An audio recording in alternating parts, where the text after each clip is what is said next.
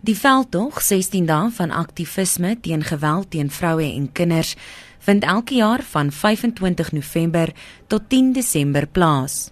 Maar die koördineerder van beleidsontwikkeling by Sonke Gender Justice, Marika Keller, sê daar moet meer gedoen word op al die ander dae van die jaar. 16 days is not enough.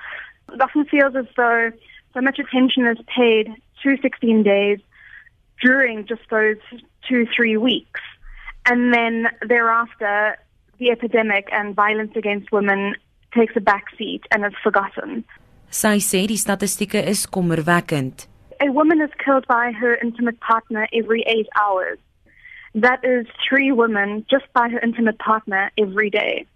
In terms of general stats for gender-based violence, it depends on which studies you you look at. So it can range anything from 1 in 3 to 1 in 5 women who are victims of gender-based violence. And more specifically when it comes to rape, the number of reported cases of rape is 109 per day. And that's only reported. And we know that rape is really underreported. Um, with the Medical Research Council estimating that it could be up to nine times higher.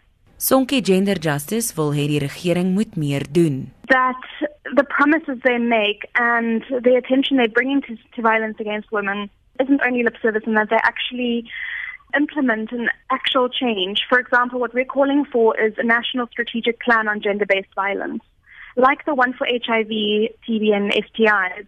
So one of the reasons we're calling for a national strategic plan on gender-based violence, specifically gender-based violence and not just violence against women, is that we feel that violence against women attempts to lump women together into one category as though they're a homogenous group and all have the same problems.